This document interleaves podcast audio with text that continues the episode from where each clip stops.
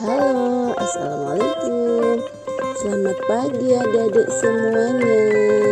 Sampai bertemu lagi bersama Kak Tini Dari Kampung Dongeng Jakarta Timur. Kali ini Kak Tini akan membacakan dan membawakan cerita Tentang kisah anak jujur dan buah apel merah. Kitty adalah anak gadis yang miskin. Ayahnya sudah lama meninggal. Kini dia tinggal berdua dengan ibunya yang sakit-sakitan. Ketika berangkat ke sekolah, Kitty berjalan melewati toko buah.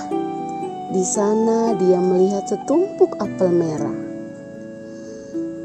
Ah, segarnya apel-apel itu. Seandainya aku bisa membelinya untuk ibu, pasti ibu akan sangat senang. Pikir Kitty sedih. Kitty berharap memiliki uang agar bisa membeli apel itu.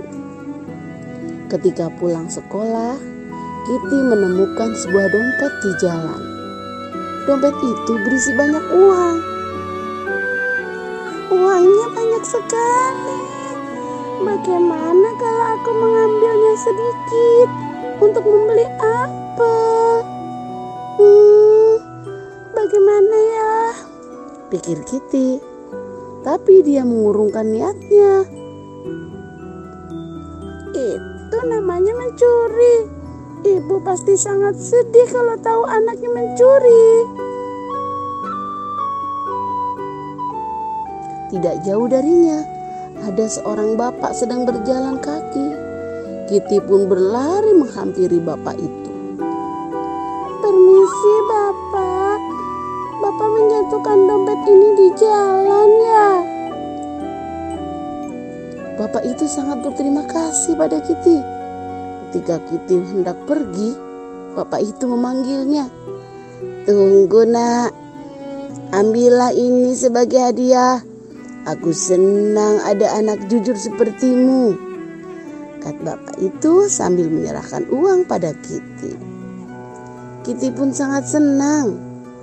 Setelah mengucapkan terima kasih, Kitty pergi ke toko buah. Di sana dia sibuk memilih apel yang besar. Penjaga toko itu merasa kasihan melihat Kitty yang lusuh. Kau ingin apel ini, Nak? Ambillah. Kau tidak usah membayarnya, kata penjaga toko. Wah, benarkah? Terima kasih banyak. Kitty merasa senang.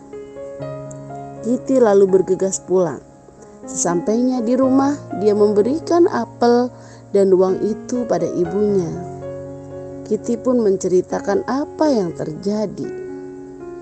Ibunya memeluk Kitty dengan bangga sambil berkata, "Kau lihat kan, Nak, kejujuran selalu berbuat manis seperti apel ini."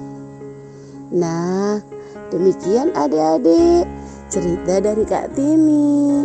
Semoga adik-adik bisa mencontoh apa yang dilakukan Kitty bahwa kita semuanya harus selalu berbuat jujur dan tidak mengambil hak orang lain.